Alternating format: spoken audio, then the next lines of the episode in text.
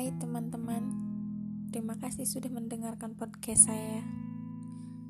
Hmm, saya tidak tahu mau cerita apa, tapi yang jelas banyak sekali unek-unek yang ingin saya ceritakan. Sepertinya hati saya sudah sangat penuh dengan sesuatu yang hmm, rindu Bahkan saya merindukan orang yang belum pernah saya temui.